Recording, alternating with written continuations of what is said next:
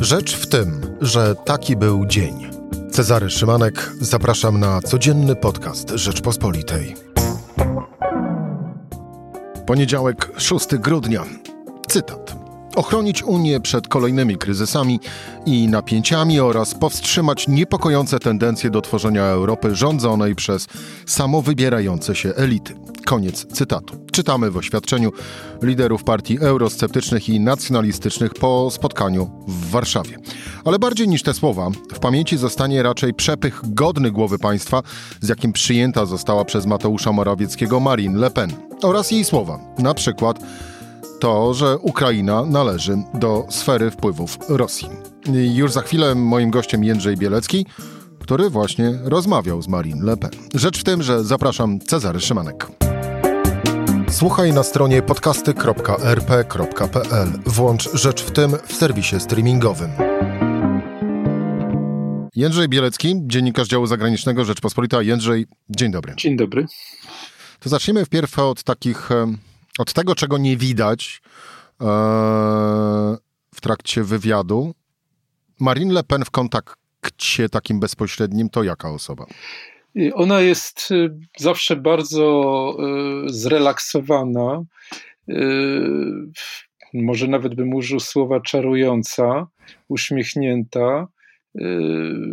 Ma bardzo grubą skórę, nie przejmuje się atakami z różnych stron. Bardzo mocno pracowała nad sobą od kiedy przejęła przewodnictwo w Froncie Narodowym, dzisiaj Zjednoczeniem Narodowym no już y, przeszło kilkanaście lat temu, y, ale nadal y, pozostaje impulsywna, nadal zbyt często rozmawia w takiej konwencji ping-pongu, to znaczy takich szybkich odpowiedzi, co powoduje, że czasem mówi coś, czego później żałuje.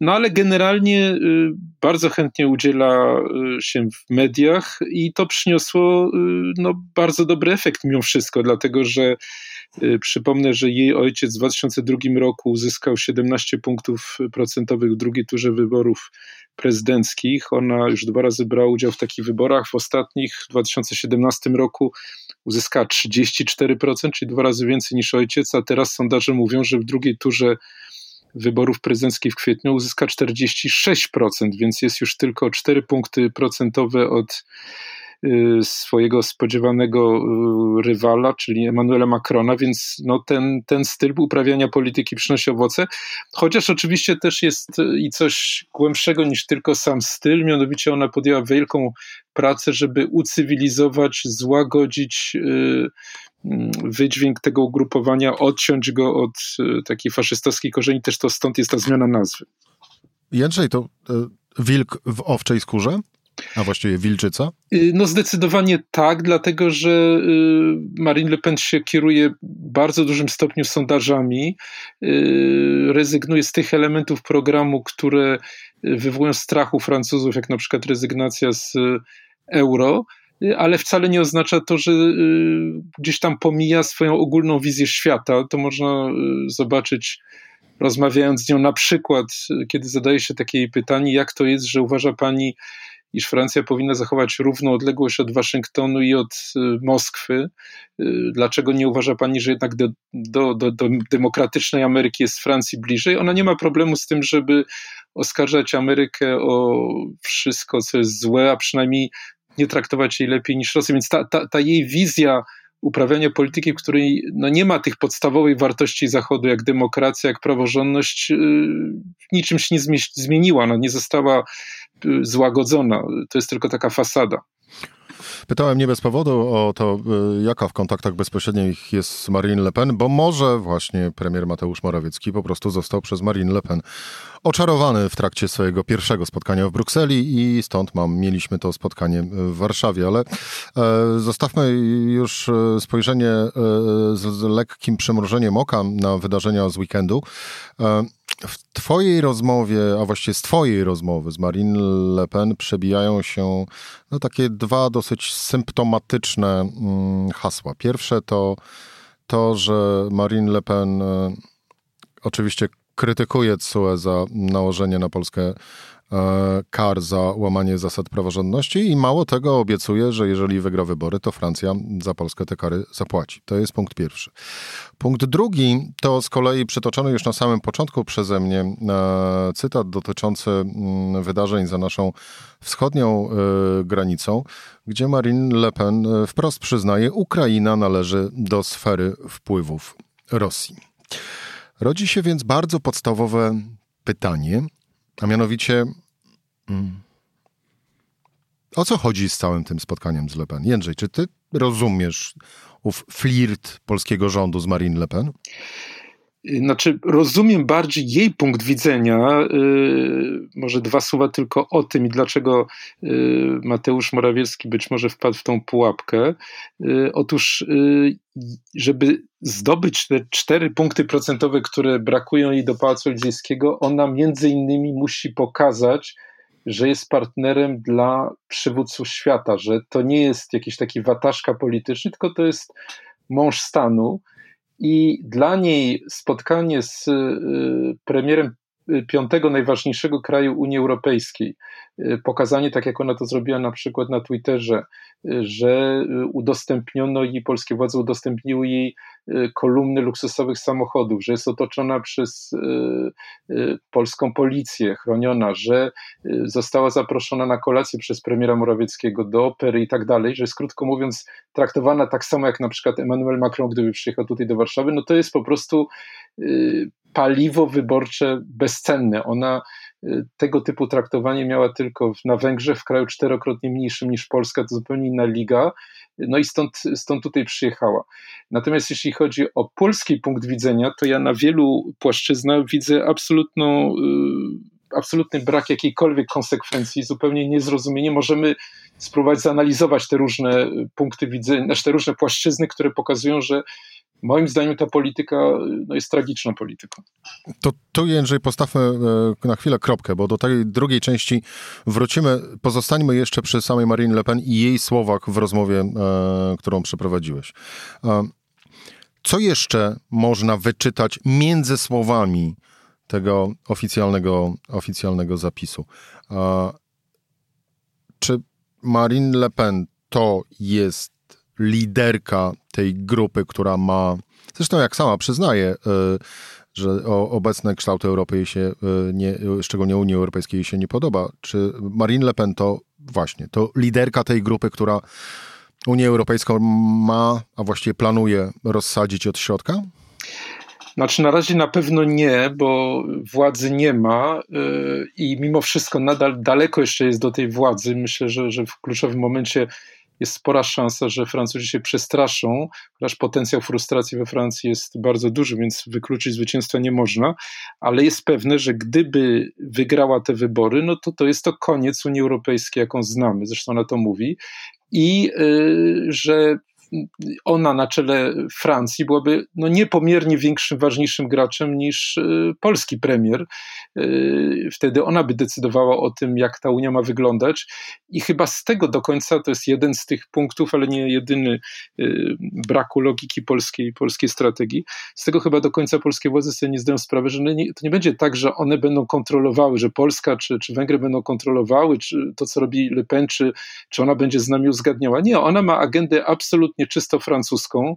Y, no ja na przykład podam jeden przykład, y, to jest tak zwana preferencja narodowa. To jest taki system, który ona chce wprowadzić, mianowicie kończymy z jednolitym rynkiem, kończymy ze swobodą przepływu usług, towarów, osób, kapitału y, i wprowadzamy zasadę, że no to jednak francuskie firmy y, mają tutaj jak gdyby priorytet i y, powinny być chronione takimi czy innymi środkami.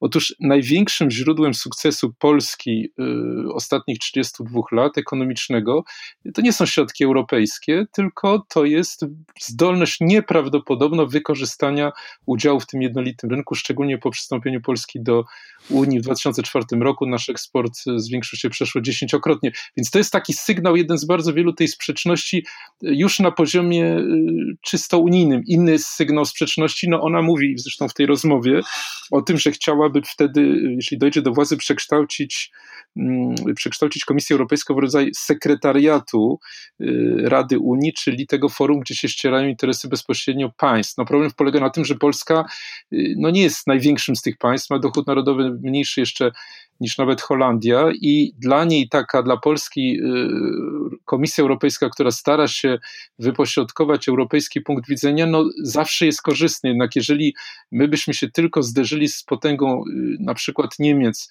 gospodarczą, no to niekoniecznie wyjdziemy z tego obroną ręką. Więc to jest kolejny sygnał takiej sprzeczności, y, z której do końca nie zdają sobie sprawy polskie władze. No ale oczywiście ta kluczowa sprzeczność największa to jest ta, o której sam powiedziałeś, mówiąc o, o, o jej stosunku do Rosji, jej stosunku do Ukrainy. No to jest, to jest zupełnie fundamentalna różnica geostrategiczna.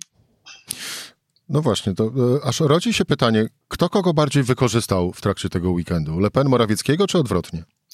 Y, no ja uważam, że zdecydowanie Le Pen wykorzystała Morawieckiego, bo ona ma konkretny, y, konkretną korzyść, y, natomiast gra dla polskich władz, bo tutaj ona została też przecież przyjęta przez prezesa Kaczyńskiego, więc to nie tylko, nie tylko jest Morawiecki, no jest niesłychanie ryzykowna. Weźmy, weźmy chociażby kwestię polityki historycznej, no mówimy o aliansie z ugrupowaniem, którego korzenie sięgają reżimu Vichy, reżimu kolaborującego z Hitlerem. Y, y, w jakim świetle to stawia wiarygodność polskiej polityki historycznej? Jak można jednocześnie dopominać się na przykład reparacji od Niemiec, sprawiedliwości dla Polski, jeżeli się buduje tego typu sojusz? No to jest, to jest, to jest jedna płaszczyzna. Druga, no to no można to... też jeszcze dodać, a właściwie przypomnieć słowa świętej pamięci prezydenta Lecha Kaczyńskiego, który jasno mówił, że takie kraje jak Ukraina i Gruzja nie mogą zostać zostać pozostawione samym e, sobie. I to nie jest tylko i wyłącznie rosyjska e, sfera wpływów. Tymczasem, no właśnie, Marine Le Pen mówi takie, a nie inne słowa, że to rosyjska sfera wpływów. E, I no właśnie, i brakuje jakiejkolwiek reakcji polskich e, władz, e, a ba, mało tego, mówi te słowa przecież będąc zaproszona do Warszawy przez polskie władze. No bo to nie jest jak gdyby jedna, jednorazowy sygnał, tylko Marine Le Pen od lat jest zafascynowana Władimirem Putinem. E, uważa, że to jest wzór, jak powinna być rządzona Francja, dlatego że chodzi o przywódcę, który gra dość słabymi kartami. Dochód narodowy Rosji jest wielokrotnie mniejszy niż dochód narodowy Francji, a mimo mimo tych słabych kart y, Putin skoncentrował taką władzę, tak sprawnie działają jego służby, y, no, że potrafi tą sferę wpływów poszerzać, y, rozbija ten system wielo, wielowektorowy współpracy, którego symbolem jest Unia Europejska. No i, i po prostu Le Pen jest, jest absolutnie zafascynowana tym, zafascynowana też metodami, instrumentalnymi metodami wykorzystania tak zwanych tradycyjnych wartości przez Putina. Nimi też gra, chociaż ani w życiu prywatnym ich nie respektuje, ani w nie nie wierzy, y, nie jest na przykład, nie wiem, zwolenniczką y, y, zakazu aborcji, chociażby miała w swoim życiu wielu partnerów, no to, to, to, to po prostu jest czysty cynizm i taki sam jak, jak, jak, jak, jak cynicznie gra Putin. No i ponieważ Putin to robi skutecznie, no tam nie ma demokracji, więc to jest dla niej wzór. No i oczywiście było też wiele przykładów bardzo konkretnej współpracy, dobrze udokumentowanej, jak chociażby finansowanie przez banki powiązane z Kremlem działalności Zjednoczenia Narodowego, czy uznanie, czy uznanie, oczywiście ona nie jest, yy, nie ma władzy, więc to jest takie uznanie osobiste, no ale uznanie aneksji Krymu. No to to jest ten czas, Jędrzej, by zadać właśnie to pytanie. Co e, to spotkanie hmm, co w ogóle również w szerszym znaczeniu spotkanie z liderami partii co najmniej eurosceptycznych i y, nacjonalistycznych y, mówi o polskiej y, polityce międzynarodowej.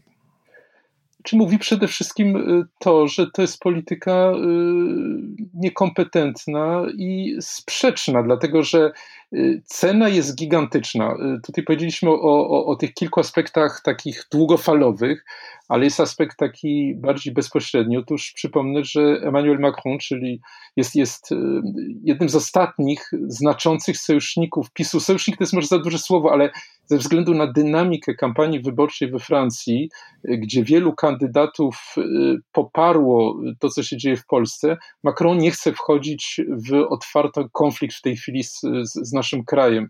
Nie chce na przykład jasno krytykować Y, orzeczenia Trybunału Konstytucyjnego o prymacie prawa krajowego nad unijnym, czy na przykład budowę muru na granicy z Białorusią. Niedawno przyjął w Pałacu Elizyjskim prezydenta Dudę, premiera Morawieckiego. I co Polska robi w takim momencie, kiedy no, ma też przecież bardzo zaognioną sytuację w Brukseli, nie, mają, nie mamy środków unijnych, zaczyna wchodzić w układ, zaprasza y, y, gości, traktuje z honorami głównego rywala Macrona w nadchodzących wyborach, bardzo groźnego. Y, gdzie tutaj jest jakakolwiek logika już nawet na poziomie takim bardzo, bardzo, bardzo takim bezpośrednim w skali paru miesięcy. No ja obawiam się, że to jest sygnał, że polska polityka zagraniczna nie ma jakiegoś jednego centrum y, dowodzenia człowieka, który naprawdę wie, jakie są mechanizmy w Unii Europejskiej, tylko na przykład to jest coś, co y, podpowiadają prezesowi Kaczyńskiemu y, wpływowi eurodeputowani, jak na przykład profesor Legutko, profesor Krasnodębski, mówiąc, że w ten sposób się zbuduje jakąś taką siłę, która będzie równoważyła siły liberalne w Unii Europejskiej. No, nawet arytmetyka pokazuje, że nie. No tym bardziej, że, że, że, że nawet ten, ten plan, który nie ma racji bytu, nie udało go się zrealizować. No dlaczego? Dlatego, że z kolei we Włoszech są dwa duże ugrupowania skrajnej prawicy, czyli y, Liga Lega Matteo Salviniego i bracia Włosi Fratelli d'Italia Giorgia Meloni. Y, no i oni ze sobą rywalizują i nie zamierzają razem przyjechać do Warszawy na ten kongres, w związku z tym nikt z nich nie przyjechał, w związku z tym nawet cała ta idea już tego, te, te, te, te, powołania tej grupy no nie została urzeczywistniona, nie, nie podano daty utworzenia takiego klubu, perspektywy, czyli nawet na tym poziomie już y, ten plan i tak miał o wiele więcej wad, był niezwykle ryzykowny, bezsensowny, ale nawet nie udało się go zrealizować, bo, po prostu nie był dobrze przygotowany. Wydaje mi się, że po prostu nie, ci, którzy podejmują te decyzje, nie zdają sobie sprawy z dynamiki politycznej w, w poszczególnych y, krajach. No podobnie zresztą jest w przypadku Hiszpanii. Tutaj akurat przyjechał Santiago Abascal, czyli przywódca Voxu, partii postfrankistowskiej. No ale to jest przecież y, śmiertelny wróg obecnych władz, władz Hiszpanii, y, Pedro Sancheza, socjalisty, który też pewną przychylność wobec Polski wykazywał. Ja przypomnę, w grudniu Hiszpania odegrała dosyć istotną rolę, żeby doprowadzić do jakiegoś porozumienia w sprawie praworządności z Polską, więc tutaj kolejny przykład, prawda? Zapraszamy y, człowieka, który jest śmiertelnym wrogiem obecnych władz Hiszpanii, nie mając z tego za bardzo benefitów. Ale wiesz, Jędrzej, może właśnie w tym szaleństwie e, według PiSu jest metoda, no bo skoro, skoro PiS nie może dogadać się e, z obecnie rządzącymi w poszczególnych krajach e, Unii Europejskiej, no to zacznie się dogadywać z przeciwnikami tych rządzących, licząc i czekając na to, że może oni kiedyś też wygrają wybory. Na koniec takie trochę luźniejsze spojrzenie, aczkolwiek e, pewnie w odpowiedzi będzie kryło się dużo prawdy i będzie dosyć ona ważna. W sobotę, po, gdy zaczęły pojawiać się już te pierwsze obrazki z tej e, kolumny na sygnałach z Marine Le Pen i Mateuszem Morawieckim w środku w samochodzie e, prze, przetaczające się przez Warszawę, pojawiały się w mediach społecznościowych bardzo krótkie komentarze sprowadzające się właściwie do jednego sformułowania. Władimir Putin się cieszy. Też byś tak to skomentował? No zdecydowanie tak, dlatego że y, to, na czym mu najbardziej zależy, to jest oczywiście izolacja Polski. Y, tutaj podawaliśmy parę przykładów y, jak tego typu działania prowadzą do, do, do takiej izolacji. No Polska jest ważnym krajem ze względu na swoje położenie, na swój potencjał, no ale też przypomnę, że tym krajem, który zawsze opowiadał się za taką stanowczą polityką wobec Rosji, obrony interesów Ukrainy. No i jeżeli taki kraj wypadnie e, z debaty na temat polityki unijnej, to w chwili absolutnie kluczowej, kiedy Joe Biden próbuje zbudować wspólny front Europy i Stanów Zjednoczonych przeciwko Rosji, uzgodnić sankcje, będzie o nich mówił we wtorek z Władimirem Putinem, no to nie ma lepszego momentu y, dla Putina, żeby tą Polskę z tego, z tego układu wyrzucić. Jędrzej Bielecki, dziennikarz działu zagranicznego Rzeczpospolitej. Dziękuję Ci bardzo za rozmowę. Dziękuję najmocniej. To była Rzecz w tym w poniedziałek. Cezary Szymanek, do usłyszenia jutro o tej samej porze.